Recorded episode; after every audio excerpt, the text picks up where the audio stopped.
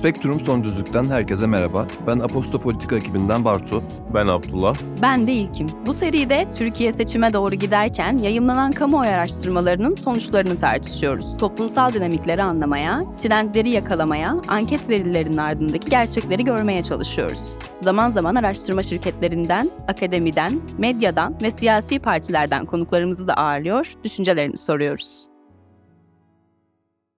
Son Düzlük'ten herkese merhaba. Ee, Bugün çok kıymetli bir konuğumuz var. Teknoloji firmalarının hareketlerinden sorumlu tutulması ve internet ekosisteminin daha insan odaklı olması için çalışan Gözleme ve İnternet ve Toplum Araştırmaları Merkezi kurucusu, eski Google çalışanı Handan Uslu var yanında. Handan hoş geldin, nasılsın? Hoş bulduk. Teşekkürler Bartu. Sen nasılsın? Ben de iyiyim. Bu dönemde özellikle çok kıymetli olan bir iş yapıyorsunuz bence. Çünkü internetin ve sosyal medyanın bilgiye erişimini kolaylaştırması beklenmişti ama herkesin kendi gerçeklerinin ayrıştığı bir dünyaya doğru sürüklendik bu internet ortamında. Aslında ABD'den İngiltere'ye kadar pek çok demokraside de insanların siyasi tercihleri üzerinde dijital mühendislik denebilecek çalışmalar yapılabildiğine de şahitlik ettik. Bununla ilgili pek çok yazı okuduk, belgesel izledik. Türkiye'de de çok kritik olan bir seçime bir aydan daha az bir zaman kaldı. Ben şunu merak ediyorum başlarken. Bu işin algoritması nasıl çalışıyor? Yani internet kullanıcılarının, sosyal medya kullanıcılarının karşısına neye göre siyasi reklamlar çıkıyor? Bu işin arka planında ne var? Güzel sözlerin için teşekkürler öncelikle Bartu. Şimdi aslında algoritmalardan bahsetmek bence çok kritik. Çünkü algoritmalar sanki böyle bilgisayarın arkasında bizi etkilemeyen şeyler gibi görünse de şu an sizin aldığınız ve sattığınız dövizin kurundan, size karşınıza çıkan içerikten aslında birçok konuda çok fazla hayatınızı etkiliyor. Ama şimdi algoritmalara bahsetmeden önce bir veriden bahsetmek istiyorum. Çünkü algoritmalar hep bir şeyi optimize ediyor. Yani sizin daha çok tıklamanız e, için optimize edilmiş bir şekilde içerikleri sunuyor. Şimdi burada veri derken yalnız bir veri kavramının da ne kadar derine gidebileceği, sizin ne kadar mahrem ve kendiniz hakkında bile bilmediğiniz şeyler içerebileceğine dair çok da fazla farkındalık yok. Şimdi şunu düşünelim en basitinden. Sizin diyelim bir yatarken çoğu kişinin yaptığı şey sosyal medyaya girip çıkmak. Kalkınca da çoğu kişinin ilk yaptığı şey sosyal medyaya girip çıkmak. Şimdi bu şu anlama geliyor. Meta'nın örneğin Instagram kullanıcıysanız sizin yatış kalkış saatinizle ilgili çok nokta atışı veri var elinde. Şimdi bunu, bu veriyi bir sosyoloğa verdiğinizi düşünün ve bu verinin birçok başka veriyle bir araya getirildiğini düşünün. Sadece bu veri üzerinden sizin depresyonunuz var mı, bir gece hayatınız var mı, uyku paterniniz, psikolojiniz hakkında ne ifade ediyor?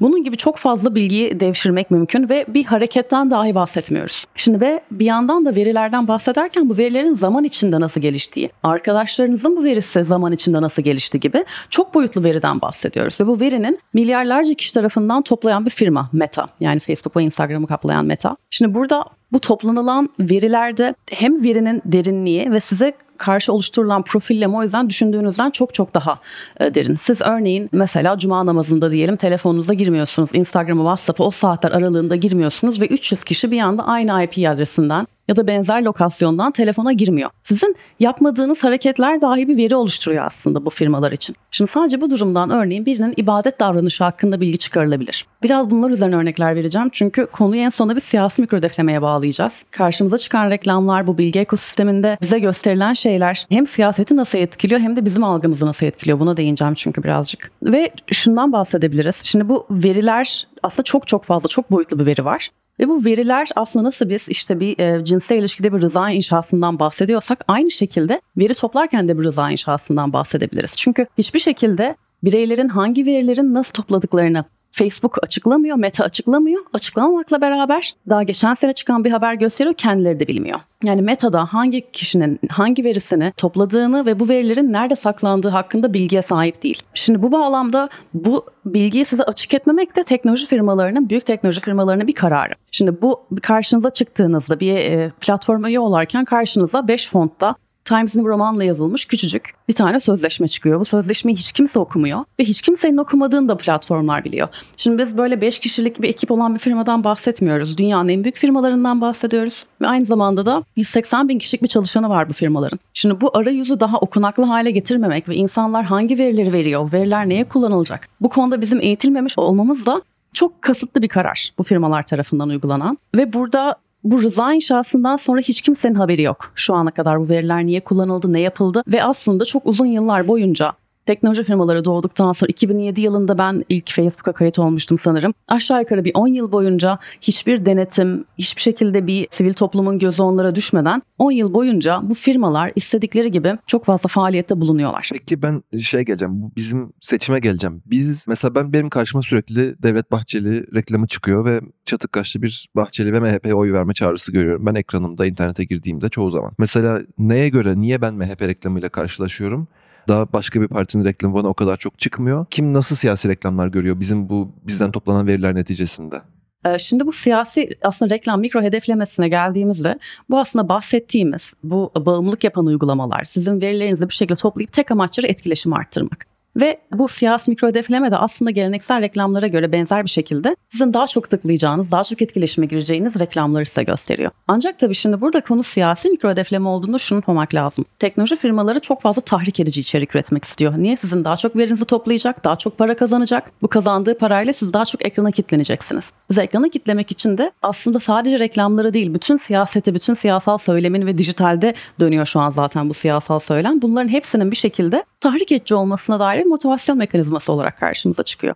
Sizin karşınıza bir tane e, MHP'li olmasanız bile siyasi reklam çıkıyor olmasının nedeni aslında hiç etkileşime girmiyorum deseniz kötü bir hedefleme olabilir. Ancak çoğunlukla bu reklamlar biraz önce bahsettiğim gibi sizin muhafazakarlığınız, bireysel inançlarınız, arkadaş çevreniz, arkadaşlarınızdaki değişim e, ve sizin bütün profilinizi, karakterinizi ortaya koyarak en çok etkileşime gireceğiniz şeyi tıklamak üzerine kurulu. Şimdi bu siyasi mikro hedefleme konusuna geldiğimizde şunu unutmamak lazım. Şimdi bu Facebook'un yaptığı politikalar siyasal içeriklere geldiğimizde hiçbir şekilde bir denetime tabi tutulmuyor. İstediğiniz kadar kutuplaştırabilirsiniz, nefret söylemi içerebilirsiniz, dezenformasyon içerebilirsiniz. Facebook fonluyor çoğu durumda sivil toplum ve sosyal girişimleri ve o firmaların asla siyasal içerikleri denetlemesini istemiyor. Ve buradan siyasal reklamları yasaklamak da istemiyor Facebook. Bu yüzden karşımıza çıkan reklamların çoğunlukla çok ayrıştırıcı olduğunu, kutuplaştırıcı olduğunu e, söyleyebiliriz. Ve burada size iletirken de neye göre iletiliyor dediniz değil mi siyasi mikro hedefleme? Biz bu sorunun aynısını Meta'ya sorduk. İki hafta önce buluştuğumuzda ve hiçbir haberleri yoktu. Şimdi bu konuda belki arkadaki bazı mühendisler bu oturup mekanizmanın nasıl çalıştığını uzun uzun anlatmaya çalışıyor ama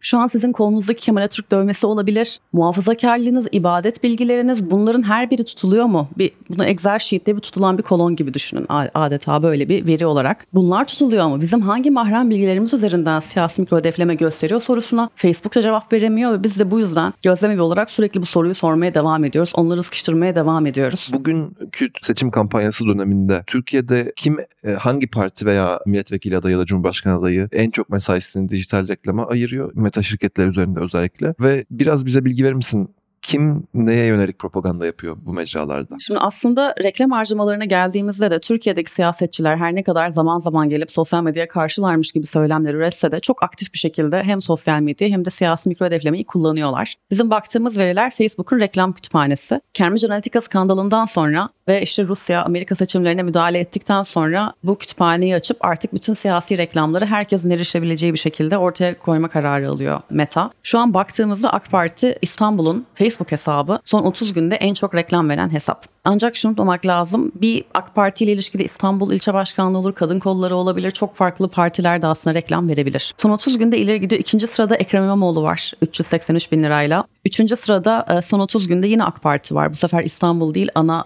Facebook hesabı üzerinden 328 bin lira ödenmiş. Bundan başka oy ve ötesinin örneğin daha çok seçimlerin güvenliği için yaptığı çalışmaları teşvik etmek için yaptığı belli harcamalar var. Bilge Yılmaz'ın harcamaları ön plana çıkıyor burada. Ve bu şimdi bir yandan da son 90 güne gidelim. Son 90 günde yine AK Parti İstanbul birinci sırada 530 bin, Ekrem İmamoğlu 529 bin, AK Parti 449 bin ile son 90 günde ön planda. Ve eğer bütün vakitlere de bakarsak son 2 yıl boyunca aşağı yukarı 30 milyon lira siyasi reklamlara harcanmış. Şimdi 30 milyon lira belki bakınca bir şey geleneksel reklam harcamalarına göre ne kadar büyük diye düşünürsek belki çok fazla büyük bir para olmayabilir aslında 500 bin lira gibi ücret. Siyasi normalde herhangi bir PR firmasına, PR kampanyasını yapan harcamayı düşünürsek. Ancak konu siyasi mikro hedeflemeye geldiğinde siz sadece 1 lirayla 50 kişiye gösterim elde edebiliyorsunuz. Ve bu gösterimi çok daha hedeflenmiş bir şekilde kendi demografinize, insanların zaaflarına göre, eğilimlerine göre yapabiliyorsunuz. Bu yüzden aslında 30 milyon çarpı 50 diye düşünebiliriz. Kaç tane reklam gösterildi Türkiye'ye diye hesaplarken. Peki ben az önce bahsettin sen de e, Rusya'nın Amerika seçimlerine müdahalesi konusunda.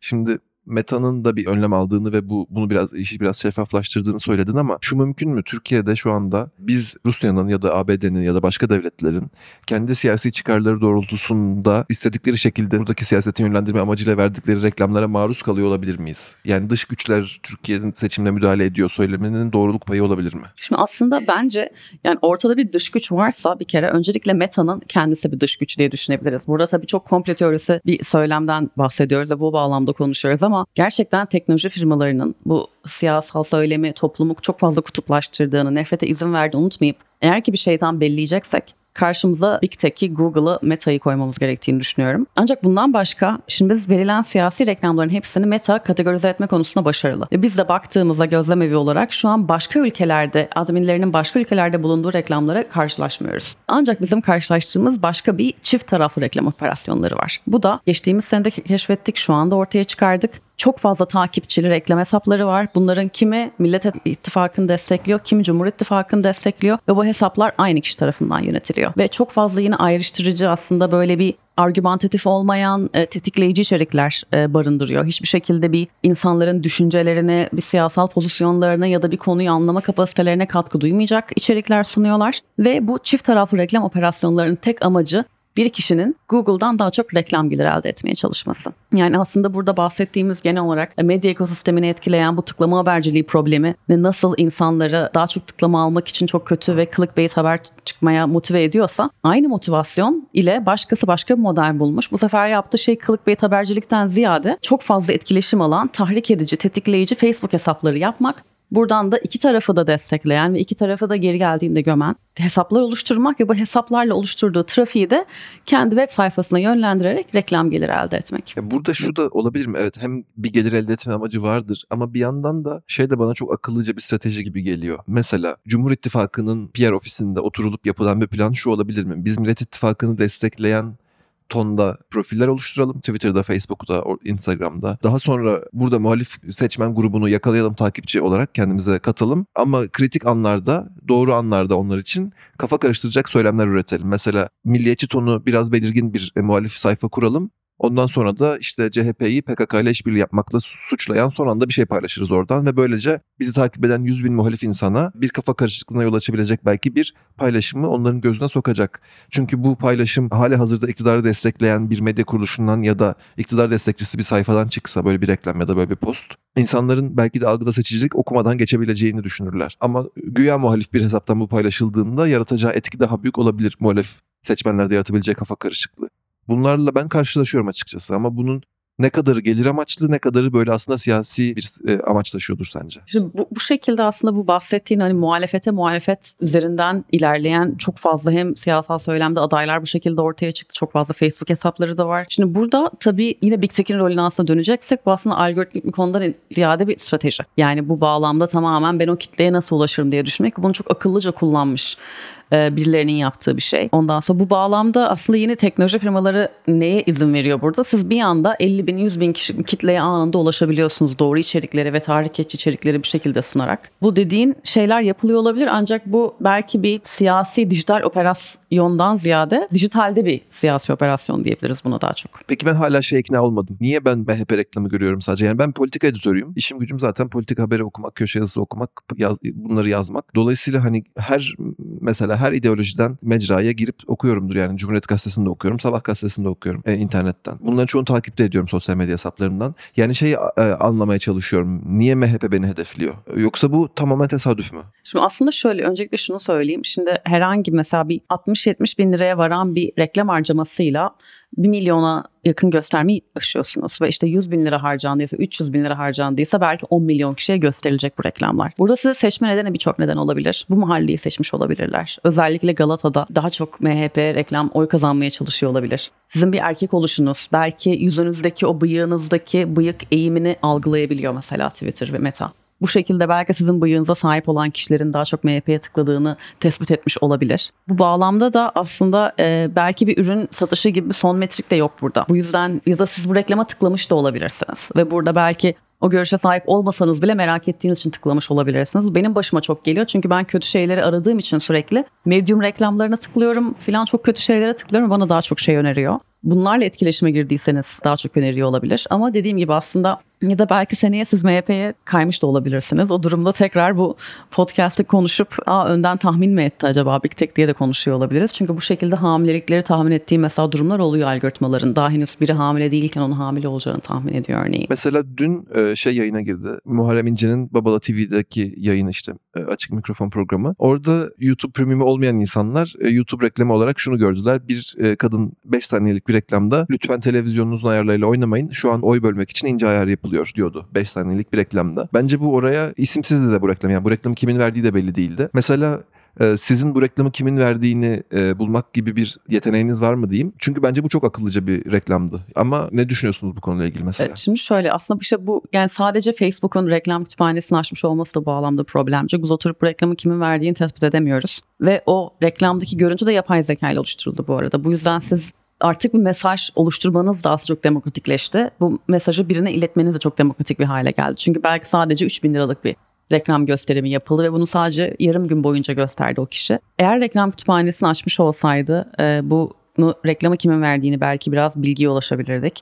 Ama normalde reklamların üzerinde bir tane link ile reklam verilen sayfa bir yere yönlendirme yapıyor. Belki benim karşıma çıkmış olsaydı o şekilde tıklayabilirdik. Bu yüzden tekrar bir simülasyon yapıp o reklamın karşımıza çıkmasını sağlamak lazım. Reklamı elde etmek için. Ama aslında tam olarak da belki de bu olayla nasıl bunun sosyal medyada yankı bulabileceğini, nasıl yerleştirme yapılacağını çok net bir şekilde görmüş olduk. Peki biz vatandaşlar olarak siyasi tercihimizi verirken e, bizi hedefleyen reklamların etkisinden nasıl kaçabiliriz? Yani sosyal medya kullanmayı bırakamayız artık. Bu hepimiz için bir bağımlılık gibi bir şey. Artık neredeyse birinci haber kaynağı çoğu insanın. Bir yandan sosyal medyayı, interneti kullanırken bir yandan da tercihlerimizde nasıl sadece kendi aklımızı kullandığımızı ve başkalarının bize bir takım gerekçelerle önümüze düşürdüğü içeriklerin etkisi altında kalmadığımızı nasıl anlarız? Şimdi bir kere buradan kalmamış olma ihtimalimiz şu an yok. Ancak gelecek için yapabileceğimiz çok fazla şey var. E şimdi öncelikle başka bir teknoloji dünyası mümkün. Bir kere bunu hatırlamak lazım. Bunun için teknoloji firmalarına karşı çok ciddi bir savunuculuk yapmak lazım. Bakın Facebook dediğimiz Meta dediğimiz firma Myanmar'da katliamları desteklemekle suçlanan bir firma.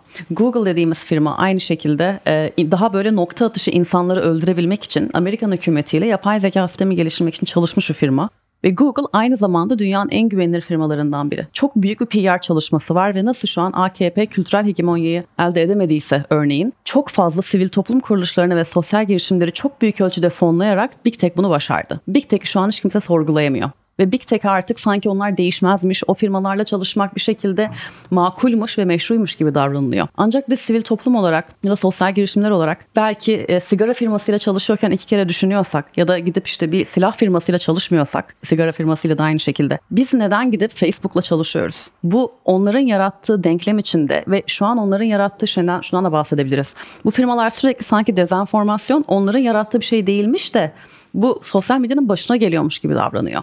Öncelikle değiştirmemiz gereken şey büyük teknoloji firmalarının akademi, sosyal girişimler, sivil toplum üzerindeki etkisini kırmak ve daha bağımsız tamamen onların kampanyalarını sorgulayacak, onlara karşı savunuculuk geliştirebilecek kurumlar oluşturmak. Biz de tam olarak bu amaçla kurulduk ki bakın 10 yıl 15 yıldır bu firma var. Niye hiç kimse oturup bunu araştırmıyor? Niye hiç kimse oturup Facebook'taki zararlı içeriklerle ilgili araştırmalar yapmıyor? Bu bağlamda bu çok değerli kaynakların bu firmalara karşı bir şekilde bu firmaların pratiklerini iyileştirecek şekilde daha çok motive olmaları, daha çok çalışmaları lazım. Bu bir. İkincisi aslında ürün geliştirmek çok çok önemli burada. Genelde politikalardan bahsederken böyle hani devletin yapacağı politikalardan belki bahsediliyor ama asıl önemli olan şey ürün politikaları. Yani bağımlılık yapan aplikasyonlar yapmayacaksınız ya da işte çocuklara gösterdiğiniz uygulamalarda kumar benzeri mekanizmaları oyunlara yedirmeyeceksiniz. Bu tarz pratiklerin artık azalması gerekiyor. Bu da yine savunuculuktan geçiyor. Bu da yine ürünlerin doğru düzgün yapılmasından gerekiyor. Ve şu an dezenformasyonu bitirmek elinde Facebook'un ve Twitter'ın ama bu onların gelir modeli. Bu gelir modeli olduğu sürece de bunlar yayılmaya devam edecek. Ne kadar çok tahrik edici içerik, kutuplaştırıcı içerik olursa bu kadar çok ödüllendirildiğiniz mekanizmadan bahsediyoruz. Bu bağlamda incelediğimizde yine bu mekanizmaların teker teker aslında hem anlaşılması, insanlara anlatılması ve bunlara karşı başka politikalar üretilmesi gerekiyor. Bununla ilgili çalışan dünyada belli sivil toplum kuruluşları olmaya başladı. Bu alan sorumlu teknoloji diye geçiyor. Biz de Türkiye'de aslında ilk defa sorumlu teknoloji alanında çalışan bir kurum olarak kurulmuş olduk. Ve tamamen yaptığımız şey bu firmalara PR baskısını oluşturmak. Bizi ayrıştırmamanız gerekiyor. Verilerimiz nasıl kullandığınızı anlatmanız gerekiyor. Mikro hedeflemeyi kısıtlamanız gerekiyor gibi. Bunun çok güzel örnekleri var. Örneğin Amerika'da mesela şu yasak. Bir makine mühendisi için bir iş ilanı açıp bunu sadece erkeklere gösteremezsiniz. Ama bu Türkiye'de yasal.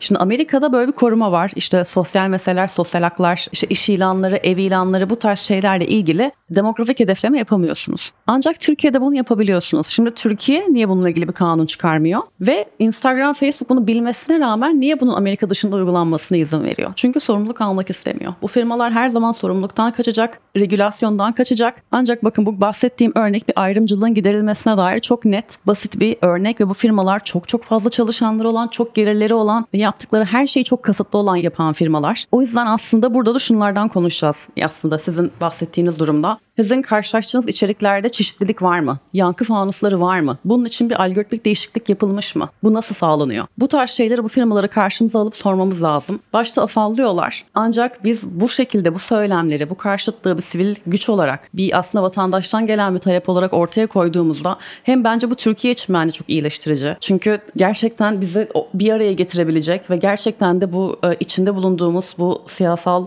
karışıklığın diyeyim, e, bu siyasal problemlerin, bu insan hakları problemlerin içinden çıkacaksak eğer de Burada algoritmalar en temel ortak nokta buluşabileceğimiz e, şeyi oluşturuyor. Ve teker teker bunlar konuşulacak mühendislerle. Sen şu an neye göre hedefleme yaptın? Benim hangi verilerimi okudun? Bunu kimlere ilettin? Eşit bir şekilde ilettin mi? Bizim bugün bir araştırmamız yayınlayacağız. Mesela biz siyasi reklamların %70 oranında erkeklere gösterildiğini tespit ettik ve bazı hesaplarda %90'lara kadar çıktığını bu rakamın Neden öyle? tespit ettik. Şimdi bunun birçok nedeni var. Öncelikle örneğin mesela kadınlar için daha çok kozmetik reklamları verilmiştir ve daha çok para harcıyordur bu reklamlar. E, Bu yüzden kadınlara daha çok başka reklamlar iletilirken erkeklere başka bir şeyin iletilmesi tercih edilmiştir. Aynı şekilde mesela Sinan Oğan'ın reklamları %90 oranında erkeklere ulaştı. Şimdi burada kullanılan dil de önemli. Siyasi dil buradaki o aslında o erillik. Mesela Kılıçdaroğlu'nun kaç? Bir Kılıçdaroğlu hiçbir reklam vermiyor.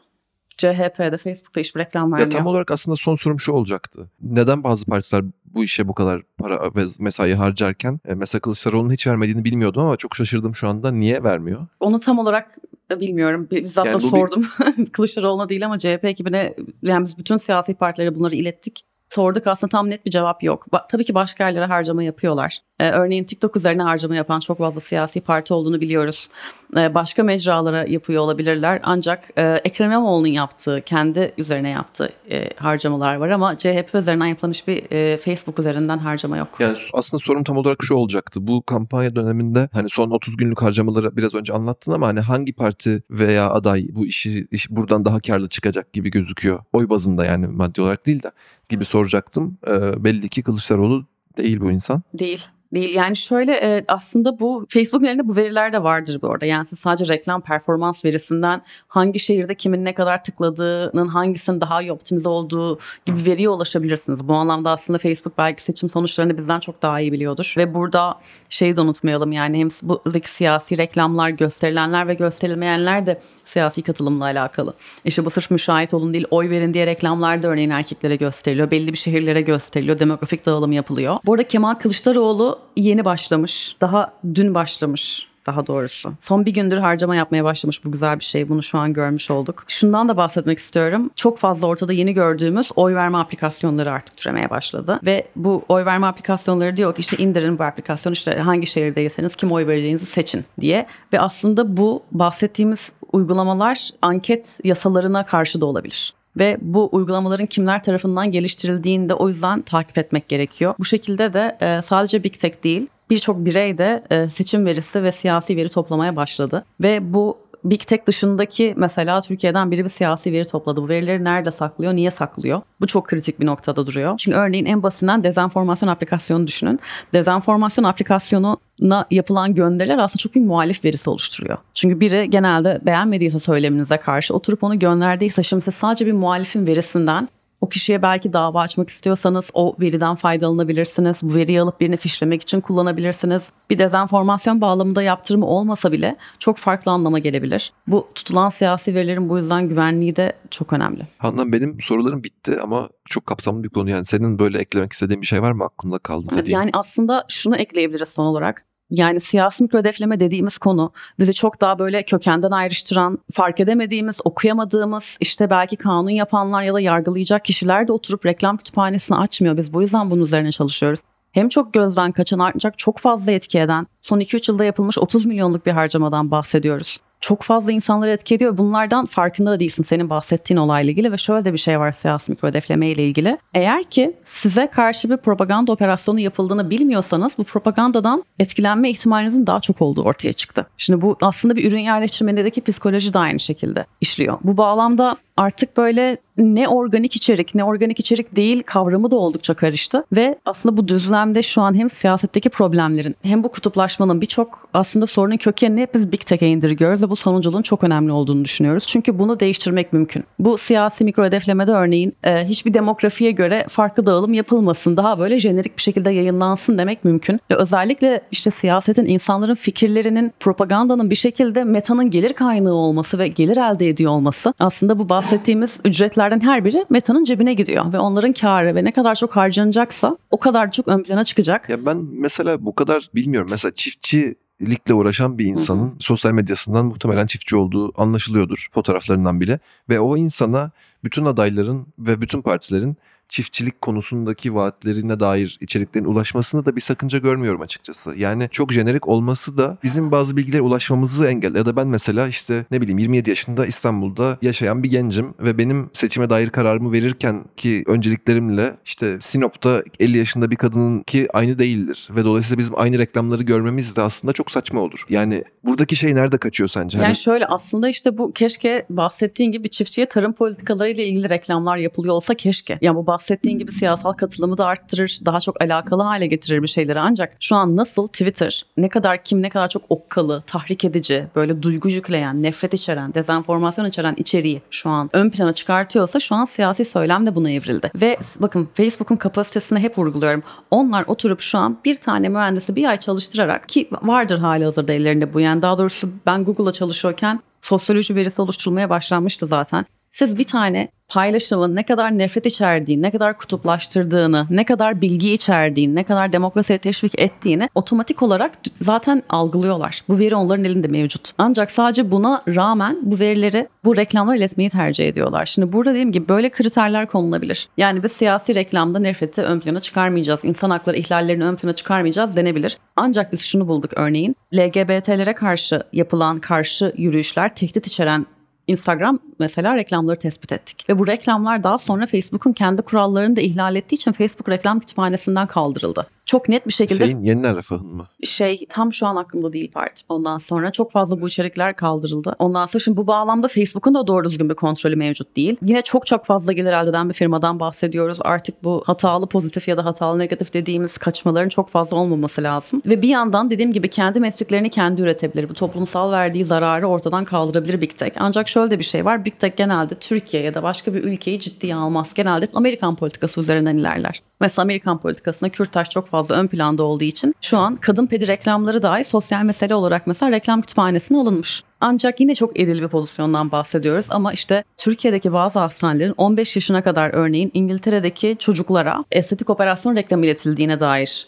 söylentiler var. Biz bunu şu an göremiyoruz reklam kütüphanesinde. Bunu hiçbir şekilde içermiyorlar. Aslında o yüzden bu Meta'nın neyi iletmeyi tercih edip etmediğini, bunları bütün nüansları oluşturmak, doğru içeriği belirlemek, bir kutuplaşmaya göre Amerika dışında biz hangi problemlere yol açıyoruz? Amerika dışındaki demokrasilerin problemleri nelerdir? Bizim problemimiz belki Rusya'nın müdahalesi değil, bizim başka problemlerimiz var. Burada Facebook nasıl bunlara destek oluyor? Bu anlamda bu firmalara karşı çok ciddi bir şekilde savunuculuk yürütülmesi lazım. Meta adını çok temiz tuttu şu ana kadar. Çok fazla kurumu yanına aldı. Ee, Meta ile beraber çalışmak bir sigara firmasıyla çalışmak gibi bir şeydir. Aynı zamanda bir silah firmasıyla çalışmak gibi bir şeydir. Bunun artık anlaşılması lazım ve bu firmalara karşı firmaların politikalarını değiştirecek bir şeylerin yapılması lazım. Ve bu en çok PR baskısıyla oluyor. En çok bundan korkuyorlar. Handan çok teşekkür ederim geldiğin için ve sorularımı cevapladığın için. Ben teşekkür ederim. Ee, ciddi söylüyorum önemli şeyler yapıyorsunuz samimi söylüyorum yani. Son düzlükten bu haftalık bu kadar. Önümüzdeki bölümde görüşmek dileğiyle.